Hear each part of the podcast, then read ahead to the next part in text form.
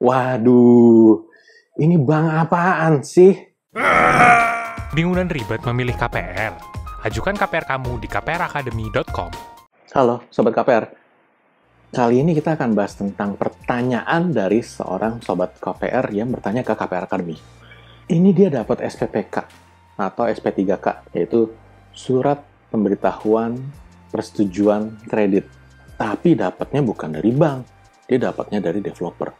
Pas dia ngelihat SPPK itu, satu hal yang benar-benar disorotin sama dia adalah ini kenapa nilai angsurannya kok agak beda ya kalau saya hitung dengan tabel-tabel angsuran yang lain gitu. Nah, dijelaskan oleh developer tersebut bahwa Oh, kalau itu saya kurang tahu. Kayaknya mungkin baiknya tanyain aja ke pihak banknya nanti pas akad gitu. terus ini saya nanti bakal dikenain denda kayak begini. Seperti apa ya aturan mainnya? Oh, itu saya juga kurang tahu. Nanti bisa ditanyakan pada saat akad.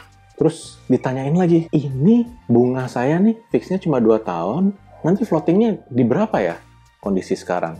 Nih Sobat KPR ini benar-benar meraktekin nih ilmu yang didapat dari KPR Academy. Ternyata lagi-lagi nih, si marketing developer ini lagi-lagi bilang, Maaf, kalau ini saya juga kurang tahu. Eh, nanti bisa ditanyakan pada saat akad gitu.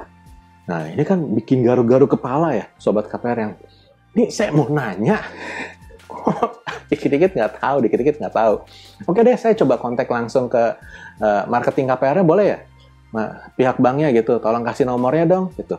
Nah, ini dia momen yang paling membingungkan sobat KPR kita ini. Begitu diminta, saya mau nanya langsung ya sama marketing KPR-nya gitu, di chat kan gitu. oh ketentuan dari banknya nggak bisa langsung ketemu sama banknya saat ini.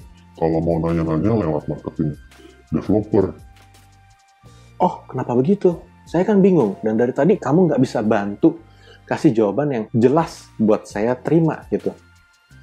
ya tapi memang udah ketentuannya seperti itu. Jadi eh, customer nggak boleh langsung eh, berhubungan sama pihak bank harus lewat developer. Nah, ini begitu lihat yang kayak begini nih, ini saya terus terang pas pas saya baca gitu, waduh, ini bank apaan sih? Sombong amat gitu. Masa nggak mau kontak customernya sebelum akad? Nggak mau, bahkan nggak mau dikontak juga gitu, ditanya-tanya gitu. Lah kalau baru apa-apa ditanyainnya pas lagi akad, ini apa nggak kayak kecepetan ya gitu. Kalau saya mikirnya satu sih analoginya sederhana seperti ini.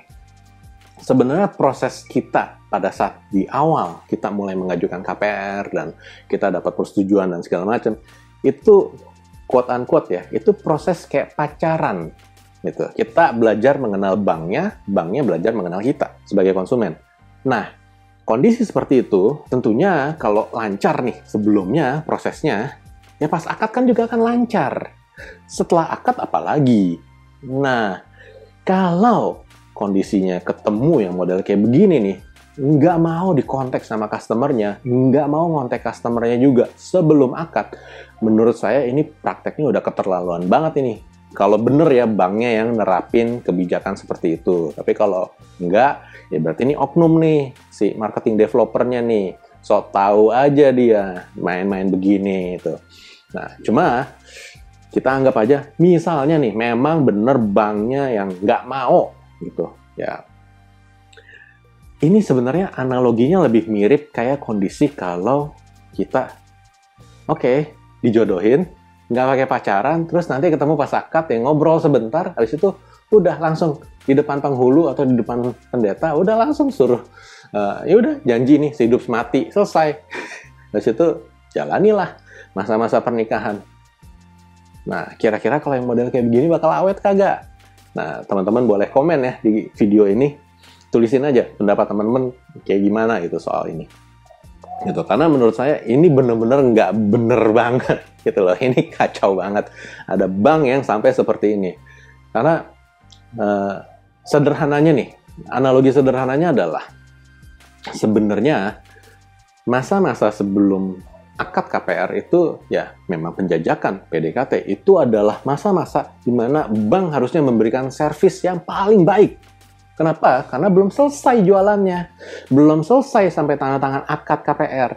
Nah, begitu selesai tanda tangan akad, akad KPR, kan sudah jadi realisasi bisnis bagi bank. Bank sudah dapat penghasilan. Nah, setelah itu mau agak rese atau kayak gimana ya terserah gitu. Tapi kalau dari depan udah kayak begini itu, waduh ini sih kalau saya ngeliat sih, waduh ini parah sih, ini agak-agak keterlaluan gitu. Jadi tolong ya kalau memang di sini ada teman-teman dari bank juga yang nonton dan teman-teman punya kebijakan seperti itu, tolong deh uh, bantuin customernya lebih baik lagi gitu. Karena balik lagi, ini kebetulan customernya di handle sama marketing developernya yang dikit-dikit jawabannya nggak tahu nggak tahu gitu. Ya kalau kayak di film cek toko sebelah itu ini jadi spoiler nih. Itu kan ada satu tokoh yang ngomong dikit-dikit wah itu saya kurang tahu juga gitu. Nah itu kan ngeselin banget gitu loh. Terus kita coba tanya lagi hal yang lain. Wah saya kurang tahu juga gitu. Cuma bisa ngasih informasi sepotong lalu kita nanya lebih dalam terus dia jawabnya wah saya masih kurang tahu itu itu resek banget gitu loh. Itu uh, gitu. Jadi balik lagi ya teman-teman kalau yang ada berprofesi di bank nih yang ada orang bank itu coba deh coba lihat review deh. Coba kirim uh, mystery shopper untuk ngecek marketing developernya ada yang lakuin kayak gini atau enggak. Kalau ada yang lakuin kayak gini ini bahaya banget buat reputasi bank teman-teman. Gitu. Jadi jangan sampai nanti tiba-tiba udah kok sedikit ya aplikasi masuknya ya. Apa yang salah nih gitu. Jangan sampai customernya pada kabur karena dicap bank yang sombong banget gitu. Jadi tolong kita jalan sama-sama dan tolong begitu kita menawarkan satu produk fasilitas ada baiknya kita menyampaikannya juga dengan transparan. Nah, mungkin teman-teman di sini ada yang bingung juga nih di SPPK atau di SP3K itu emang nggak ada nomor telepon banknya apa gitu? Emang nggak ada nomor kontak yang bisa dihubungi? Oke, dalam kasus ini sepertinya tidak ada. Jadi, kalau nggak ada ya otomatis kan jadi bingung. Mau nanya lagi ke siapa gitu. Untuk pembahasan lebih lanjut, sebenarnya SPPK itu yang baiknya itu seperti apa sih? teman-teman bisa ikutin ya di video berikutnya. Oke, sampai di sini dulu pembahasan kali ini. Semoga teman-teman bisa dapetin insight yang berarti. Dan jangan lupa share ke teman-teman yang lain supaya teman-teman yang lain bisa dapetin insight yang berharga ini juga. Oke, sampai jumpa di episode berikutnya. Bye!